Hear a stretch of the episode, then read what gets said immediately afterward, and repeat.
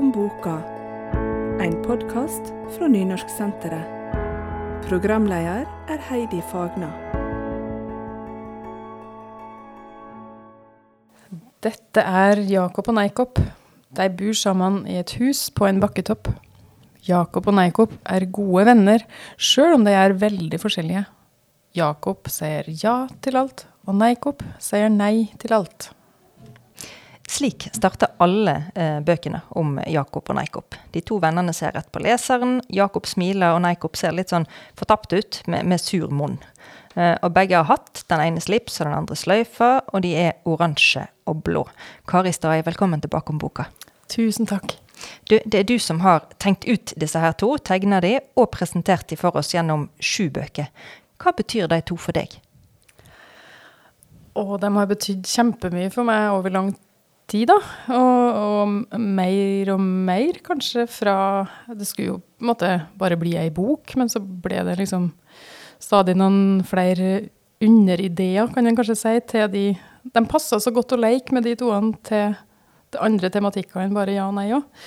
Så Nei, de har jo betydd kjempemye. Jeg kjenner jo at de er litt sånn eh, Når jeg er på rundt omkring på skoler, så er det liksom Vi er tre som drar. Det er liksom jeg og Jakob og Neikob. Så det er hyggelig å, å ha dem i livet sitt. eh, målgruppa for Jakob og Neikob det er barn i førskolealder og på småtrinnet. Eh, Nynorskværa eh, har trykt disse her to til brystet sitt, og er veldig glad i dem. Hva, hva tilbakemelding er det du får oftest? Eh, veldig sånn umiddelbar respons fra de små som liksom 'Jakob og Neikob', sier de når jeg kommer inn i, i rommet og det står en, et bilde på eh, lerretet foran, så er de veldig til å uttrykke en slags begeistring for at Jakob og Neikob kommer. Så eh, tolker det som veldig sånn positivt eh, uttrykk for at de er glad for at Jakob og Neikob står der. Fått eh, veldig god respons. Folk reagerer litt på at Neikop på et tidspunkt sier ja, f.eks. Så det er noe som skurrer der. Men de, det er sånn engasjert og positivt møte når jeg møter unger og voksne. mm. Veldig sånn enkelt. Hvis, hvis en ser dem, så tenker en jo at her er en som er blid og sier ja, og her er en som er sur og sier nei. Mm. Eh, men, men, bøkene er jo laga på en sånn måte at i forskjellige aldre og med forskjellig utgangspunkt, så kan folk lese ganske mye forskjellig inn i dem. Mm. Hvordan tenker du at forholdet mellom disse to er?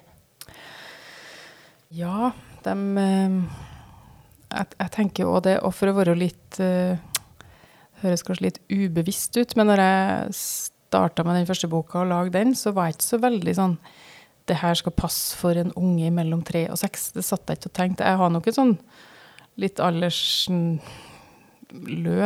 utgangspunkt sjøl òg, for jeg syns kanskje sjøl at de er like mye um, pro, Ja, altså Jeg syns jo det er mye Som du sier, tematikk her som også passer for voksne. Det er Jeg gikk ikke inn for å lage aldersløs eller alders allalderbøker, men, men, men jeg så at det kanskje kunne bli det, at det var et potensial i det. Um, så um, jeg blir veldig glad da når jeg hører at de uh, tas litt i bruk av, av alle aldre. Og, og, det var egentlig det jeg, jeg håpa på, uten at jeg satt og var veldig sånn kalkulerende med det. Det bare ble sånn. Jeg syns uh, uh, syns det kom litt naturlig uh, at det ble sånn. Ja. Det er ikke så veldig mange forunt å få bøkene sine omtalt som klassikere allerede få år etter de har kommet. Eh, men det har du opplevd med Jakob og Neikop. Eh, de er omsett til flere språk, og du har fått mange priser for disse bøkene her. Kan du eh, eh, si noe om hva det er som femner så bredt med de, sånn, sånn, sånn du forstår det? Jeg tror kanskje jeg traff noe med den der umiddelbar Altså den Eh, det er sånn, et, et, tydelig prosjekt her, da, med, med, med en, en, klassisk problemstilling med, med motsetningspar, det positive, det negative, yin-yang. Altså det er lett å, eh, lett å forholde seg til det, både for små og store.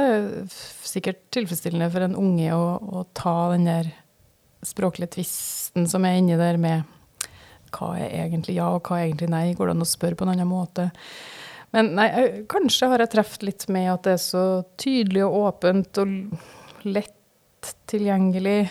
Jakob smiler sånn. Vi på en måte føler oss kanskje litt eh, velkommen inn i bøkene. De er litt sånn små scener og litt lett å gå inn i. Det er ikke så komplisert, da. Det er ganske enkel og tydelig tematikk og historie, eller om det kanskje òg er litt komplekst på mange vis, så er det er formen på det veldig enkel.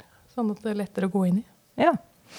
Du, um, det hele starta på et tog. Kan du ta oss tilbake dit? Ja, gjerne det. Den togturen har vokst, for å si det sånn. Men det var, det var som, som jeg har sagt, at det var en togtur mellom Trondheim og Oslo. Jeg tror det var den veien. Eh, studert og har begynt å jobbe som smått, og fikk en eh, konduktør som eh, het Jakob foran meg. Det sto på brystet på jakken. Så var det sånn at jeg kjeda meg, hadde god tid, og satt og stirra ut ruta og bare kopa, som vi sier. Og tenkte tydeligvis da over navnet hans Jakob, ja. Ja ja, Jakob, ja, nei og ja og nei og nei-kopp. Jeg tenkte hvis det ja, hvis det går an å hete Jakob, så må det da gå an å hete Nei-kopp. Og så fikk jeg en sånn litt leiken leiken eh, time på det. Satt og skissa og noterte i skisseboka som jeg alltid har med meg. Og så satt jeg og tenkte at det her må jo gå an å, å se om jeg kan gjøre noe på, da. Da på den tidspunktet så var jeg illustratør mest for eh, for andre forfattere. Jeg har ikke skrevet noe sjøl ennå, så det var den ideen om de to navnene som, som starta det hele. Og som også starta at jeg ble eh, en skrivende person, forfatter. Ja. Ja. Mm -hmm. Du fikk Brageprisen i 2012 for 'Tjuven slår tilbake', som er den andre boka om eh, Jakob og Neikopp. Eh, Er det den beste boka, vil du si, om Jakob og Neikopp? Oh, ja, det var det, da. Den er nok litt sånn Den har kanskje den som har mest framdrift. Det skjer noe, det er spenning. Det er Jeg kaller det krimboka. Ja. Det er jo sju bøker. Eh, den første er liksom startboka, men den 'Tyven slår tilbake' er litt sånn krimboka. Vi drives jo litt av krim, da. Spenning og politi og fare på ferde her og Ja. Det, mm, det er kanskje den mest spennende boka, men jeg veit ikke helt om det er min favoritt av de sjuene. Jeg har ikke klart helt å bestemme meg hvem jeg liker best, men jeg er veldig svak for den første boka. Um, og ja, må kanskje si det. det jeg, det første er nok hjertet nærmest ennå, men jeg er fornøyd med liksom, å ha fått med både en krimbok, da, som er litt sånn i den andre, og ei julebok, og ei som ble litt mer politisk enn jeg egentlig har tenkt, og ei som ble litt mer klima.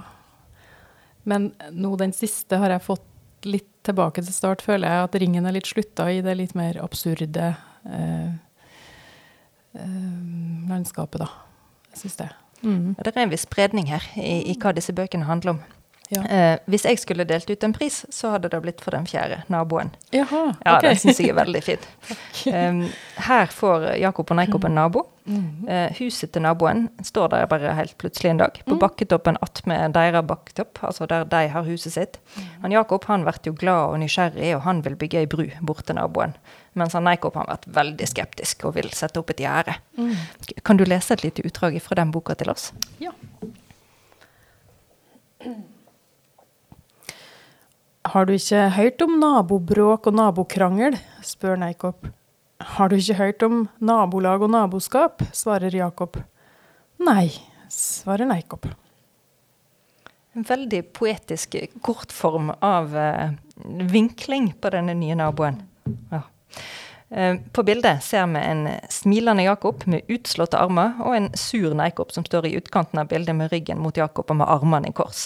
Og dette er jo egentlig de to i et nøtteskall. ikke sant? En som er åpen for alt og um, ja, ikke setter så mye grenser, og så er det en som ikke vil noen ting, og kanskje setter for mange grenser. Hvordan eh, reagerer unger på disse figurene når, når du leser for dem? de har jo flira en god del av Jakob, som de kanskje gjennomskuer at det er òg den naive. Ok, han er positiv, men han er òg den naive av dem. Mens Neikop er veldig fornuftig, og ja, og så kan jeg jo drøfte hvor grensene går for hvor fornuftig og naiv man kan være. Vi snakker jo om at de er litt sånn De er to, men de er òg litt ett, da. At vi har de kvalitetene, og at, at begge sine kvaliteter er viktig å ha.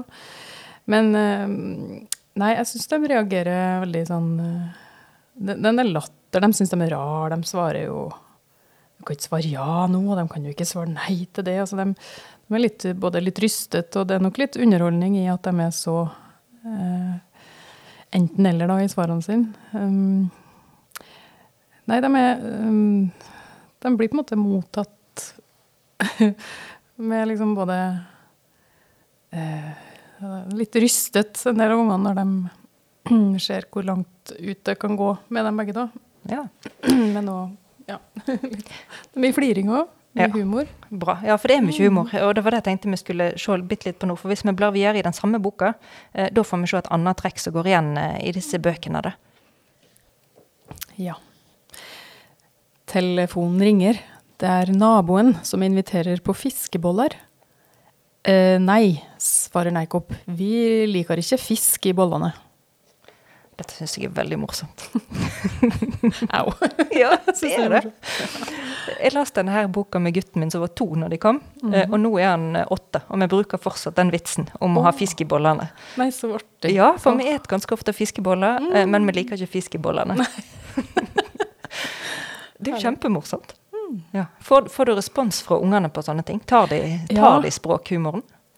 Ja, stort sett så er det bestandig noen som flirer på det tidspunktet. Det er enkelte tidspunkt i alle bøkene at jeg merker meg at, at det er alltid noen som flirer. Kanskje ikke sånn kollektivt latterbrøl, er det men det er, jo, det er jo mye sånne litt rare formuleringer her og der. Jeg har prøvd å putte inn dem litt jevnt, men eh, Eller ikke jevnt, da, men dem eh, Nei, det, jeg får respons. De ja. syns de merker det. Hvor viktig er det med humor i eh, barnebøker? Det er så viktig. Jeg har, egentlig ikke tenkt så mye over det før nå siste årene. Jeg vet ikke om det har noe med koronaen å gjøre, men altså hvor viktig det er å ha felles glede og latter. Og det- det har så mye med helse å gjøre.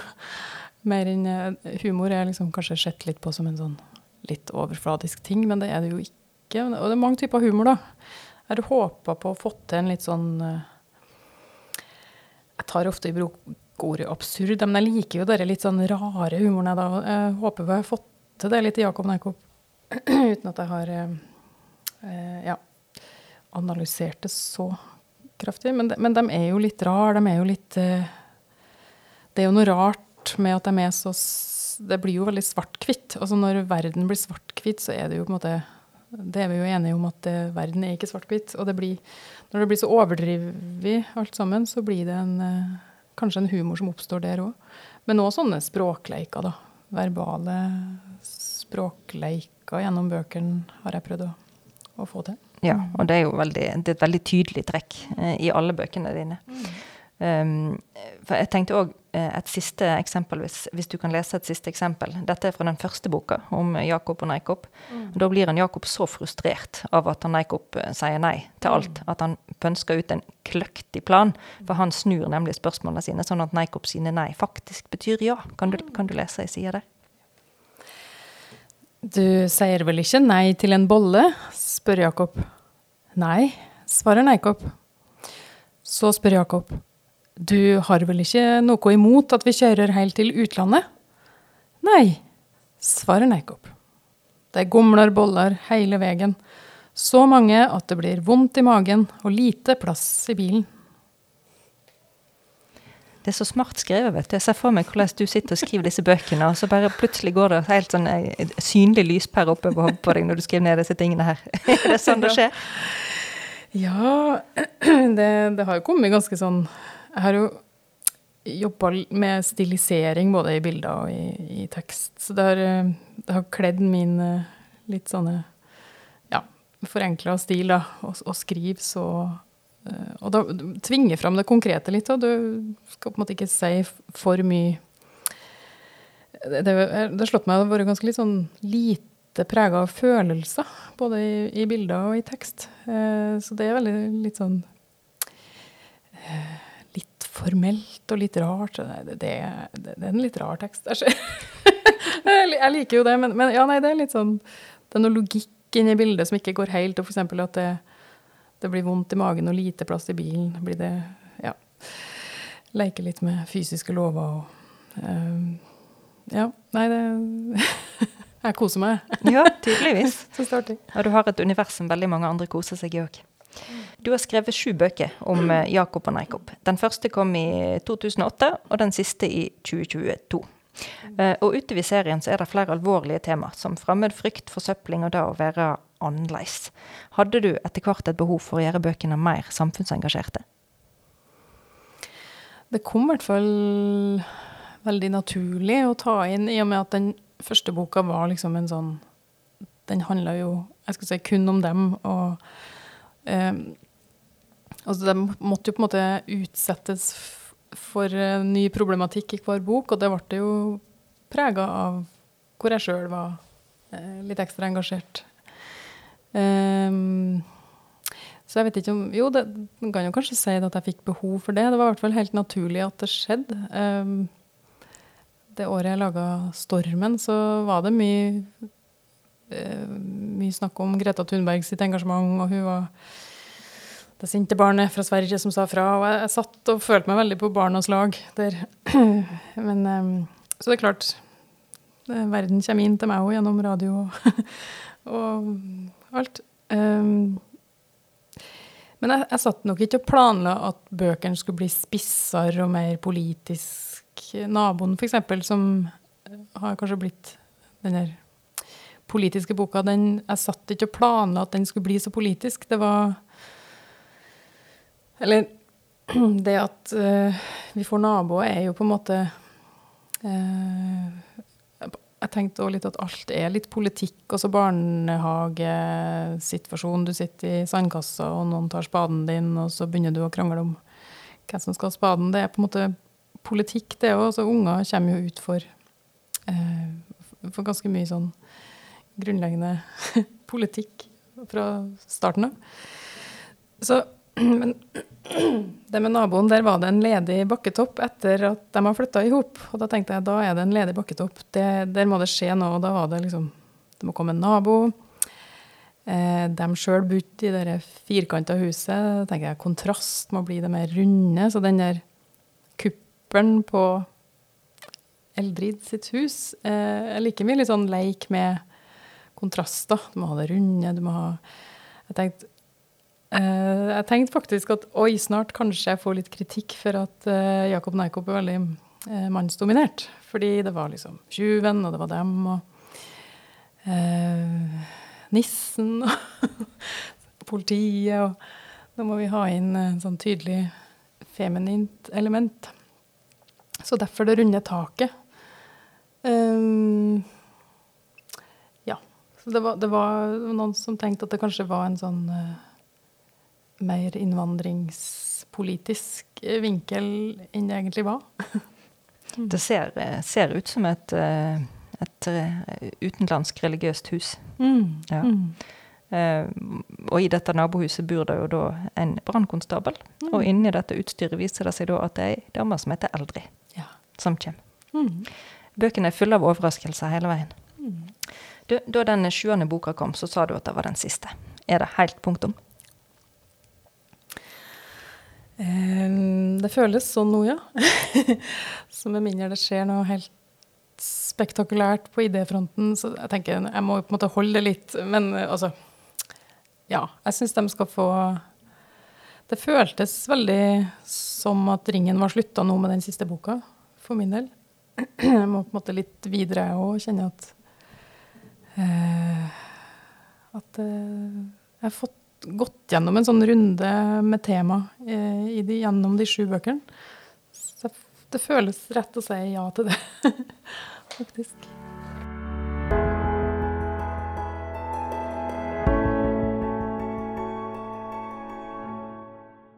Og så var det Mopp og Mikko.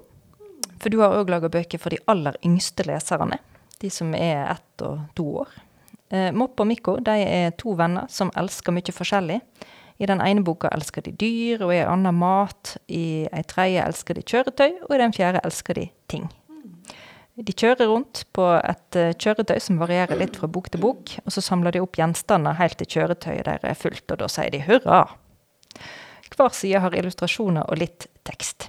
Hvordan oppsto disse bøkene? Um, jeg merka meg at det var litt lite sånn variasjon i pekebøkene som var. Um, veldig mange fine klassikere der også, men, men uh, det var veldig mye sånn oppramsningsbøker. Dette er et eple, og uh, kle på seg, og mye sånn um, begrepslæring, som jo er kanskje det, noe av det viktigste òg, gjennom den sjangeren. Men i lag med min daværende redaktør Ragnfrid Trohaug, så begynte vi å snakke litt om kun kanskje den lesegruppa allerede på, fra start kanskje òg begynne å forholde seg til et handlingsforløp. At det var litt mer som skjedde. Um, og det å få et forhold til å begynne å bla seg framover og se at det endrer seg litt uh, Ja, at det, at det, var litt mer enn at dette er et eple. Um, og det ble vi enige om at det, det trodde vi skulle gå bra. um, det skada i hvert fall ikke å prøve å, å, tilføre litt mer handlingsforløp. Um, jeg har en ettåring sjøl, så var kanskje da jeg så litt at jeg skulle gjerne hatt Ja, jeg ville veldig gjerne vært med å bidra litt i den sjangeren. Fikk òg da oppretta en uh, gruppe på barnehagen vår. to pedagogiske ledere som var med og, og drøfta litt hvordan vi kunne tenke. Eh, det slo meg òg, da. Det var en unge som var veldig sånn tydelig på at eh, bare mannene kunne kjøre traktor og fly, og damene ikke. Det, det, det, var faktisk en veldig viktig, et viktig møte, for jeg tenkte OK, her må jeg bryte med noen, eh, noen ting. Og, og, da ble Mikko, som da er gutten, mann, um, den som fremma en elsk til å ha lidenskapen. Og Mopp, som da er beita dama, kom inn og ha kjøretøyet og, og tilrettela. Altså, veldig konstruert, dette her, da, men, men, jeg så det som litt viktig å liksom bare la det være basen. Eh, ellers så har vi på en måte jobba litt med Altså, Norge er vel et land som har veldig mye eh, sammensatte ord. så de kategoriene Altså, det var stripedyr og Nå har jeg glemt litt, men uh, ja. Her har jeg liggende 'elsker ting'. Her er det, for de lager, Etter hvert så kommer de på han eh, Moppan Nei, han Mipko han er jo så ivrig. Oi, han elsker alt mulig. Og så ja. må de ut og se litt. Ja. Her vil han se blå ting, mm. og så vil han se mjuke ting, mm. og så vil han mm. se harde ting. Mm. Ja, Det er litt sånne kategorier, så dukker tingene opp etter hvert. Vi tok opp litt, eh, litt ja, at kategoriene var litt ja, fri, da. På en måte. Mjuke ting. Altså, Tenk litt på det taktile. Og, så det var et veldig sånn gjennomtenkt prosjekt. Kanskje litt stivt prosjekt, men det var, det var veldig artig å jobbe med det. Men unge er jo glad i repetisjoner, vet du. Mm. Så, så, det er vel en smart ting å bruke mm. faste, faste oppskrifter på den måten. Hva andre ting er viktig å tenke på når en skal lage ei bok for ett- og toåringer? Hmm. Nei, det må være gode verdier. Positive verdier, fellesskapsverdier, samhold, eh, glede. Eh, læring lett tilgjengelig, sånn at det bare glir inn. Um, gjerne litt spenning, da. Det var jo veldig spennende. Det ble jo fullere og fullere, det kjøretøyet. Fylt til randen. Så en liten krise må det jo være i alle bøker. Og så må det gå bra til slutt. Og de, jeg håper de kan bidra litt til sånn gleden over å jeg skulle si gleden over å hamstre, det er jo egentlig litt feil i vår tid. Vi skal på en måte prøve å kvitte oss litt. Kanskje jeg burde ha laga en motvekt. At de kvitter seg med ting. Gir bort til bruk. Ja, nei, altså den der eh, ut på jakt, da. Ut og oppdage verden, samle ting, kategorisere ting. Um, og planlegge litt hva skal de uh, finne neste gang ut på oppdagelsesferd. Ja. Um, her er sterke farger, og det er en tydelig strek med stiliserte dyr og så menneskelignende figurer da, i, i, veldig absurde farger. De, de, er blå i fjeset, og de er oransje, og de har uh, uvanlige kropper, men vi skjønner at det er kropper. Hvordan uh, velger du hvordan figurene dine skal se ut? Ja Nei, det er nok uh, basert litt på egen smak. Altså, det, her er det jo veldig mye altså, grunnform og grunnfarger. Kanskje jeg har nok sikkert en tanke om at de skulle være uh, litt skal si, litt, Det er jo litt grunnleggende læring. Her er det gleden over å se at alt har en slags grunnform. Rød og blå, eller oransje-rød, det er jo litt samme fargene som jeg har i Jakob og Neikop. Um, det kald og varm. I Jakob Neikop var jo det veldig viktig å tenke motsetningspar, og da forsterke det med, med, form og farge. Og når fargen da er en varm og en kald, så er jo det en sånn forsterking. Nei, altså figurene må jo være imøtekommende, så du må på en måte forhåpentligvis få til å lage noen som ungene har lyst til å eh, ta på fanget, skal jeg si, og, og se hei til. Jeg håper de er liksom vennlige og inkluderende, og, og at de kan bare like dem litt umiddelbart. Da. Og da satser jeg nok litt på et litt umiddelbart og enkelt formspråk. Det ble litt sånn automatisk. ja. Eh, alle disse bøkene kom i 2011, så det begynner jo å bli noen år siden. Jeg syns jeg ser de ofte både på bibliotek og i barnehager. Hva inntrykk har du av eh, i hvor stor grad de er i bruk? Jo, jeg har òg inntrykk av at de er i bruk. Eh, og det det er jeg veldig glad for. Jeg, vet, jeg har ikke fulgt med de siste par-tre åra på om det har kommet noe mye ny, men jeg, men jeg syns det, det, det er jo absolutt en uh, gruppe i samfunnet som, som, fortjener like mye nytt tilfang, dem, syns jeg. Altså de minste. Så klart. Vi er jo enige om at alle er like verdifulle, så ungene burde ha, på det nivået burde ha hatt uh, Det er jo der leselyst vekkes, og det burde vært mye mer eh, nye pekebøker. Det er jo der vi begynner. Også om de tygger på dem eller leser opp ned, det kommer på det samme, men det er jo liksom det første de møter av, av det å sitte og bla og involvere seg i en leseopplevelse, da, erfaring. Bakom boka, en podkast fra Nynorsksenteret.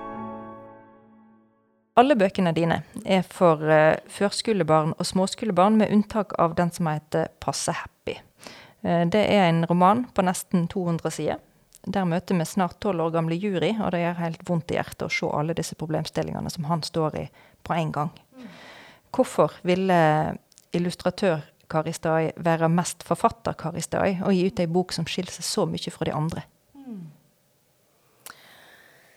Eh jo, eh, mulig det tvang seg litt fram. Også Jakob og Neikop gjennom mange år har jo vært så utrolig tydelig, ryddig, klart prosjekt med veldig tydelig ja tydelig. Det, det, er mye tydelighet i Jakob og Neikop, kan du si. Og jeg er jo ikke i slekt med noen av dem, så jeg ser jo veldig opp til både Jakob og Neikop, som er så tydelig. Jeg er jo en sånn vinglekopp imellom, som jeg tror det sto i et intervju en gang at jeg sjøl er hun Tjakob. ja.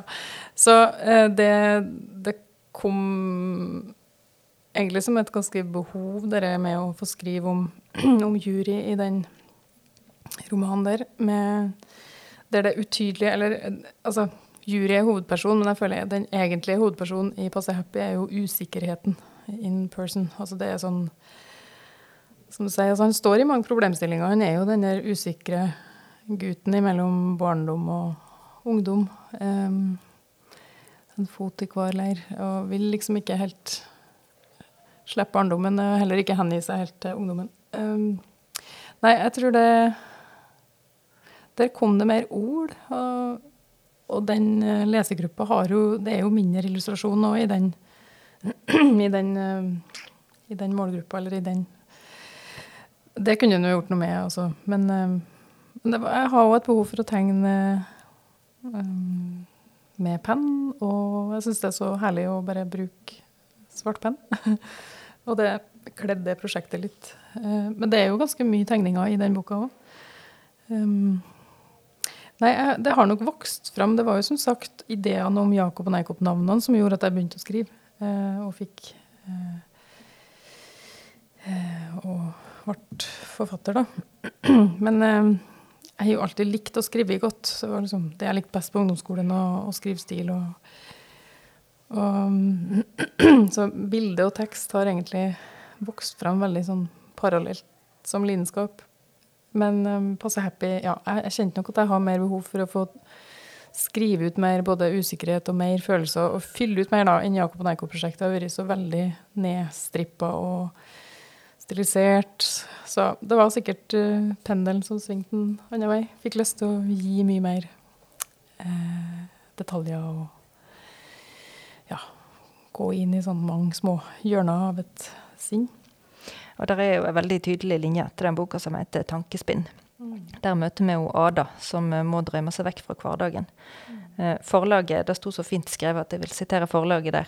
Med tankespinn har Kari Stai skrevet og illustrert ei fortelling om alle de tankene som kan krølle seg som spagetti inni et lite hoved, og hva som kan skje når en tenker uten å dele tankene sine med noen. Sitat slutt. Har, har du òg et litterært prosjekt om psykisk helse? Jeg har nok egentlig det. Uten at jeg har sittet og liksom planlagt det veldig sånn strategisk fra start. Det har, det har vært blitt sånn. Altså, jeg tar meg òg ofte å bruke ordet altså, Helsebegrepet kommer oftere inn når jeg både snakker om det jeg gjør, og når jeg lager det. Um, vi er jo Mennesker er jo Jeg skal si vi er helse, det er vi ikke, men altså, vi er jo skapninger med behov og udekte behov, og psykisk helse er jo en helt naturlig del av, av oss. Um, ja, altså Jeg har nok bestandig vært en, et grublende barn sjøl, så det er mye sånn Jeg føler nok jeg har mye sånn erfaring med å, med å ha litt tankespinn sjøl. Uh, og så er det sikkert et litt sånn normaliseringsprosjekt. Jeg ønsker liksom å si ja, Kanskje det handler veldig mye Det handler det nok om for veldig mange forfattere at vi ønsker å si 'du er ikke alene'. Det er sånn uh, sterkt ønske om å se, se leseren, se folk, si at vi er Vi forstår. Uh, vi forstår, på noe vis. Får du tilbakemeldinger fra unge lesere på disse bøkene? Ja, det har jeg gjort noen gang, og litt gjennom foreldre som sier at ungene har uh, at, at, boka har betydd mye for dem, både tankespinn og på Happy. Så ja, kanskje ikke så mange direkte fra ungene og ungdommene sjøl, men, men, ja. Ofte via foreldre som sier at, de har, at den har betydd litt, da. Mm.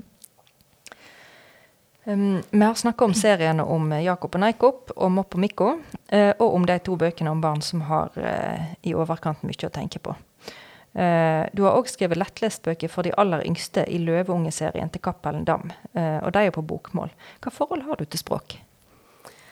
Ja Du, jeg vokste opp på Sund folkehøgskole, det er lærerbarn. Og det var en eh, skole som brukte nynorsk. Um, nei, altså Nynorsk har vært liksom, hovedmål både i, i, oppveksten med å vokse opp på den skolen, som sagt, og, og gjennom hele barne- og ungdomsskoleforløpet mitt. Og på videregående var vi òg såpass mange i klassen som kom med nynorsk at vi la litt press på læreren på at vi måtte ha nynorsk på tavla, og, og, det, og det, fikk vi. Så gikk jeg òg lærerskole på Notodden. Der var det jo Telemark var jo et nynorsk land. Um, eh, på en måte har jeg vært en litt sånn gratispassasjer, en privilegert gratispassasjer på nynorsk. Jeg har, det har bare vært det som har vært rundt meg opp igjennom. Mange valgte jo veldig sånn aktivt bort på et tidspunkt. Jeg tenkte ikke at jeg har noe behov for det. Det har sittet fast eh, i meg. Men jeg måtte passere 40 før jeg oppdaga at jeg var veldig glad i nynorsk. Jeg har egentlig ikke hatt noe sånn veldig aktivt språkpolitisk eh, forhold til det før men, men, men jeg ser òg at det er litt sånn eh, litt bortskjemt, på en måte. Så jeg, jeg ser jo at det er et, et, en målform som vi må som må kjempes litt for. For det er jo Og det er jo viktig. Så jeg håper jeg oppnår det gjennom å bruke det som hovedmål i mine bøker. Um, det har no, Det har nok betydd mye mer for meg enn jeg har tenkt over. Jeg er veldig glad i nynorsk. Jeg syns det er et eh, nydelig skriftspråk. Jeg synes, Det høres litt flåsete ut, men jeg føler bokmål er litt som loff, og nynorsk er litt som grovbrød. Og jeg elsker loff, bare så det er sagt. Noen ganger er det det jeg vil ha, men, men eh, det er noe sånn Jeg opplever i hvert fall at nynorsken har veldig mye sånne nyanser og mer sånn eh, substans, da. Det, men det er jo en smakssak. Jeg syns bokmålet er òg fint. Men det, men det er jo mange som sier at de syns nynorsk er fint i dikt. Jeg, synes jo, jeg bruker å si at jeg syns bokmål er fint i dikt. Høres litt sånn uh, Så nei, altså nynorsken er, er mer enn et diktspråk, da. Det, altså, det er jo et eh, bruksspråk du kan uh, banne på nynorsk, for å si det sånn. Det er, et, det er et tøft og fint og rikt skriftspråk som jeg eh, bestandig bare har tatt for gitt, fordi jeg har bare brukt det og hatt det, og ikke møtt noe mye Jeg har heller ikke møtt noe mye motstand ved at jeg har brukt det. Jeg har at jeg har vært Og nå i dag er det jo kanskje mer fokus på identitet og eh, minoritet og, og mye, mye sånt. Så jeg føler kanskje nynorsken har blitt kulere òg. Ja. Står litt eh, Ja. Det, det er ikke noe sånn Det er ikke noe hinder for å bruke nynorsk. Men det er klart eh, Ja. Det betyr, nynorsken betyr mye for meg når jeg, når jeg tenker over det, men jeg har ikke måttet tenke over det så mye, hvis du skjønner. Sånn, den har bare vært naturlig for meg å bruke. Disse her veldig populære Jakob og Neikop-bøkene dine, de, de har ikke så veldig mye tekst egentlig. Men, men det er svært nøye utvalgt, de ordene som står der. Hadde de bøkene vært veldig annerledes hvis de var på bokmål? Ja, jeg tror det, egentlig.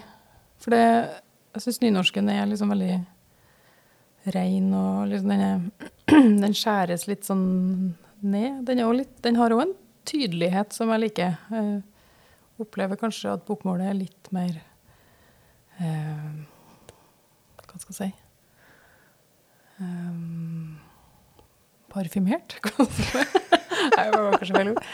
Nynorsken er litt sånn nøktern. Jeg syns de, de kler eh, nynorsk Jakob og Neikop. Jeg tror kanskje det har vært feil med, med bokmål der. Ja. Um, du eh, er utdanna lærer. Du har en master i visuell kommunikasjon. Eh, Du er billedkunstner, du er illustratør, og du er forfatter. Mange ting på en gang. Dette er jo en komplett pakke. Det eneste som mangler, er at du er et forlag sjøl òg. Er du en sånn som liker best å jobbe aleine? Eh, ja og nei. Jeg tror nok mange Altså, alle som skriver og, og tegner, er litt sånn Du er på en måte din egen eh, Ja eh, kraft, skal jeg si. Eh, men eh, jeg jobber jo på en måte ikke Altså, jeg er veldig glad i å begynne å drøfte ideer tidlig med både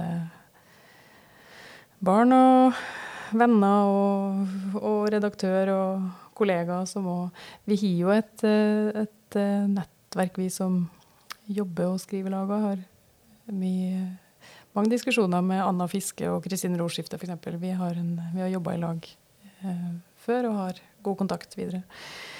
Og, og drøfter ideer og utførelser og alt. Um, ja, nei, men han må kanskje ha en sånn egen drive sjøl. Men, eh, men det er veldig viktig å være åpen for innspill. Jeg sitter liksom ikke og skjuler ideen min så lenge nå. Jeg husker på når jeg gikk på barneskolen, så kunne vi sitte og tegne, og så skulle vi prøve at ikke naboen hermer etter det. og sånn hold som vi kalte det. Det har jeg slutta med. Tvert, altså, jeg, liker å, å, å lufte de enkleste skisser ganske tidlig da, med, med redaktøren. Har liksom ikke noe tap på det. Så jeg føler at jeg, jeg har Jeg jobber ikke alene, det vil jeg ikke si at jeg kjenner. Men eh, det starter jo kanskje i, i en sjøl, da. Og um. Mm. Har du en hjerne som bare bobler over av ting du kjenner at dette kunne blitt noe, dette, oi, dette bildet må jeg lage, dette kan bli ei bok? Fungerer det sånn? Jeg skal kanskje ønske at det bobla lettere og mer, men jeg, er nok mer en eh, hmm. Det var et godt spørsmål. Jeg, jeg, jeg tror ikke at det, det bobler ikke over hos meg, men, men, jeg har mye sånn materiale som ligger eh, Som jeg grubler lenge på. Grubling er jo på en måte litt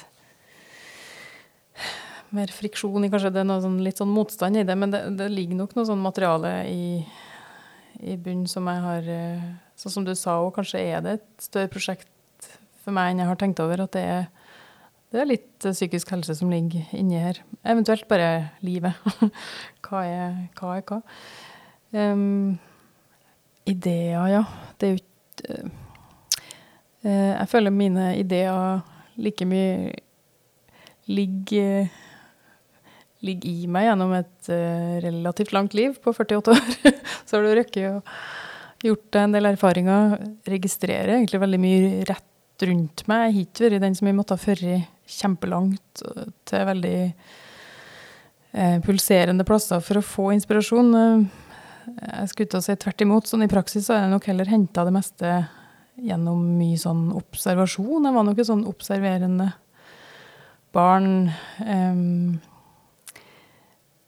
jeg, tror jo på en måte at unger flest har en liten sånn filosof i seg. Altså vi, for da har vi jo ikke lært så mye ennå. Vi går jo og grubler og lurer litt på hvordan ting henger sammen. Og eh, ja, de store spørsmål eh, kan jo virke veldig overveldende på et lite barn. og det var det i hvert fall på meg. Jeg syns det var veldig mye å ligge i og, og tenke på når han har lagt seg, og, og grubla litt. Og har jo så klart foreldre som, som imøtekom det, og vi snakka om, om, de store temaene. Men eh, det er jeg føler inspirasjonen min De ligger det litt sånn Det er ikke noe sånn boblende i det, jeg vil ikke si det. Det er ikke noe sånn Oi, jeg må lage en kjempekul bok om en flygende elefant. Det er ikke sånn. Det er mer sånn Ja, dypet av mennesket er litt sånn Kanskje det er der jeg leter mer. Det er noe som ligger der. Jeg føler det er noe viktig som må sies. Kanskje. Ja, jeg skjønner. Du, du nevnte Sund folkehøgskole på Inderøy i Trøndelag. Der vokste du opp fordi foreldrene dine jobba der som lærere. For, for en, et barn som trengte litt sånn rolig tenketid òg, så, så, høres det jo både flott ut, men òg litt intenst. Folkehøyskolelivet kan jo være voldsomt. Ja. Vi det, det var jo veldig sånn Skolen lå i midten med alt som skjedde der, og så lå lærerboligene rundt som en ring. Så vi, vi fikk jo egentlig ikke vært oppe på skolen og, og, og besøke elevene f.eks. på internatet. Det var, eh, om vi gjorde det, det var en annen sak. Jeg tror vi luska oss ikke. Det var, det var mye som skjedde oppå en sånn skole, men vi, vi var Jeg husker også på at jeg har mye sånn Jeg satt mye på rommet mitt med kassettspilleren og, og tegneboka. og så det, det falt seg helt naturlig. Men det var veldig sånn berikende å få i pose og sekk få alt det som pulserte, og folk som kom fra hele verden, og det var kunst, og det var teater, og vi fikk bli med på teater og, og spille fra scenen og var involvert veldig ofte. Men òg Jeg var òg den unge som gikk på, på rommet mitt og satt der i timevis. Så det, det fungerte fint, den vekslinga der. Hvordan har det prega livet ditt og yrkesvalget, og, og slik du nå som voksen lever? Mm. Det var jo Det var jo å møte det, det, at kunst- og kulturfag, altså det var drama, det var teater, det var Eller det var kunst, og det var musikk og u-landslinja. Det, det, var liksom Du møtte sånne områder var, var det livet besto Altså det var det du så det, det var ikke noe sånn sært å velge tegning å, gå den, den, yrkesretningen der i det hele tatt. Fordi jeg vokste opp med at det var noe folk drev med hele tida. og foreldre som har jobba som musikere. og eh, Pappa var litt kulturjournalist i Trønderavisa og følte for å måtte anmelde når det kom et bra orkester. Så han kjente liksom på ansvaret for at her må vi få fram herre. Og han var òg tegner og maler. Og nei, det har liksom bare vært ligge litt i ryggmargen, antageligvis. Så jeg slapp å liksom det er ikke alle som kanskje føler at det er et fornuftig valg å ta, å gå den veien, men det har vært veldig støtta på det, da. Har du noen gang angra? Nei, jeg har ikke hatt noe valg, jeg føler. Det var liksom her Nei. Noen kaller det kall, jeg vet ikke hva man skal kalle det, men det, det er noe Det har kommet helt naturlig. Det å tegne og skrive og, og ytre seg og uttrykke seg og lage eh, lag ting. Men det er jo det er jo ikke alle som kjenner at jeg kunne tenke meg å jobbe som forfatter eller illustratør eller begge deler, som får det til. For det er jo ganske krevende å, å, klare dette her, og lage ting som er gode nok til at en kan leve av det. Ja. Det,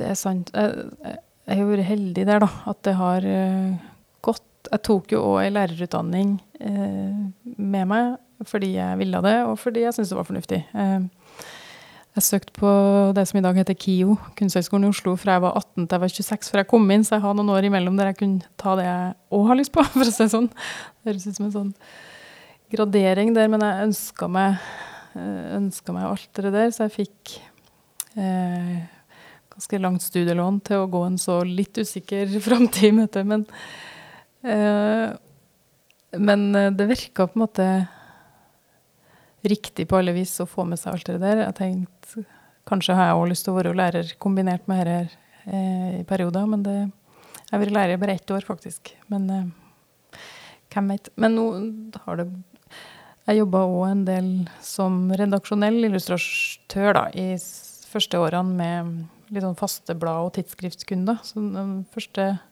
jobben min var å illustrere for Morgenbladet og, og litt bokomslag for forlagene tidsskrift for Den norske legeforening og Forskerforum.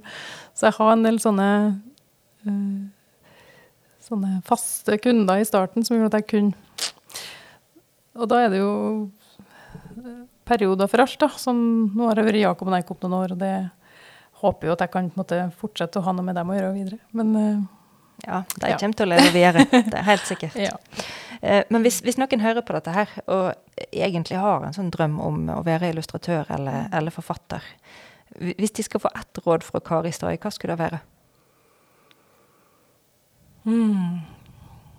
Nei, bare gå all in, som det heter på nynorsk. Uh, bare Jeg tror hvis at en virkelig, virkelig vil, og kjenner at en har noe som uh, brenner, og noe som som en har så sterkt i hjertet, eh, noe noen må ut med, så tror jeg det det kommer, da. sånn, men man må jo man må stå på. Det må kanskje være eh, det kjedelige rådet jeg kan komme med. Stå på, holde på til en klarer det.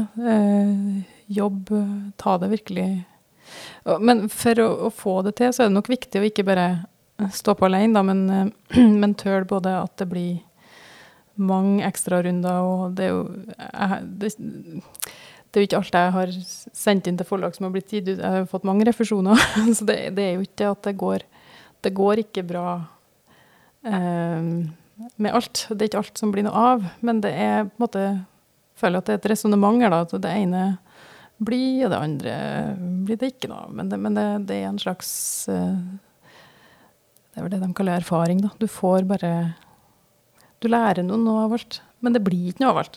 det er ikke sikkert det blir. Men, men, hvordan er det da, når du, har, når du har hatt en idé, og så har du jobba noe med den, og så syns du at den er jo bra nok til at eh, kanskje det kan være aktuelt, mm. og så sender du det inn, og så sier de eh, nei takk. Mm. Hvordan mm. er det? Nei, der, der, er vi jo bare mennesker. Det er jo klart den blir Det er mange skuffelser på veien, men som regel når jeg har fått tenkt meg litt om, så er jeg enig. det er, ja, 99% av tida så ser jeg at ja, dette her var faktisk uoriginalt, eller det var ikke, det var ikke nok. Altså, det må jo Jeg tenker at vi Det er ikke alt som skal bli bøker. Det er ikke alt som skal bli Det er ikke alt vi skal bruke papir og skog på. Um, mulig vi til og med gir ut litt for mange bøker i Norge. Der er det jo et sånt dilemma. Vi vil jo ha masse bøker, men vi Ja, kanskje kommer det for mange bøker. det, det går ikke an å si i en podkast om bøker, kanskje. Jo, det går veldig fint an å si. Nei, men altså, vi skal være ja til kvantitet, men det, det må være Det må være kvalitet på et eller annet vis i form av tematikk eller eh, formspråk eller så Ja. Det er kanskje Jeg minner i hvert- fall meg sjøl på det når det er noe som ikke blir noe av, at nei, det er ikke sikkert at, at det har livets rett. Altså, det, er, det er ikke alt som skal ut. Men jeg kan jo bruke det heller som erfaring til å lage en begynne å jobbe med et prosjekt. Eh, Et nytt prosjekt som kanskje blir bedre, da. Mm.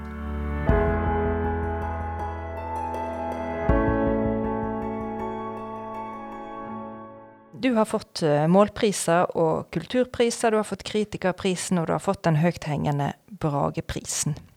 Det er jo virkelig verdsett, dette som, eh, som du gjør.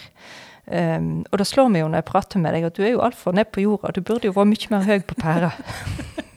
har du sånne dager der du bare Ja. digger deg sjøl, eller, eller er det vanskelig å ta inn? Jeg jobber med saken, egentlig, og jeg, jeg tar det inn. Jeg blir veldig Jeg blir nok mer sånn uh, Feirer litt sånn inni meg. Jeg å ta det som en eh, Ja, tegn på at jeg kan jo fortsette, i hvert fall. Nei, jeg, jeg er nok ikke noe sånn Jeg kjenner meg veldig igjen i Reodor Felgen når at den på slutten av Flåklypa-filmen eh, Da de, de vant jo det billøpet, som kjent. Eh, men da er det tilbake til regningene og pulverkaffen. Nei, altså jeg trives best eh, med å starte på nye prosjekt og få dem opp på fot, eh, forhåpentligvis. Eventuelt kaste dem, bli refusert og gå videre. Det Driven min er liksom å få til eh, det neste. og gjerne faktisk prøve noe jeg ikke kan. Eksempel nå har jeg litt lyst til å gå litt sånn nye sjangere i, i møte, hvis jeg får til det. Men, eh, men um, Nei, jeg er kanskje litt kjedelig der. Jeg, jeg fester litt for lite etter sånne sånne seire da, som jeg faktisk har hatt. Jeg, jeg ser jo jeg, jeg setter veldig pris på det. Jeg blir veldig motivert. Eh, Men eh, ja. Det Kanskje personlighet. Jeg, jeg, altså jeg er nok litt som han jury. Jeg er nok en Jeg er på en måte sikker på at jeg driver med noe viktig, men jeg, men jeg, jeg er nok òg en Ja, en nok litt grublende person, kanskje. Kanskje det er det som har vært drivkraft, eller altså det er det som har gjort at jeg har gått videre òg. Så gode bøker kommer kommer ikke av seg sjøl. En må, må gruble litt for å lage dem. Mm. Kan du si, for å utfordre deg, da, kan du si en skikkelig bra ting om deg sjøl? Noe du er skikkelig god til? Hei.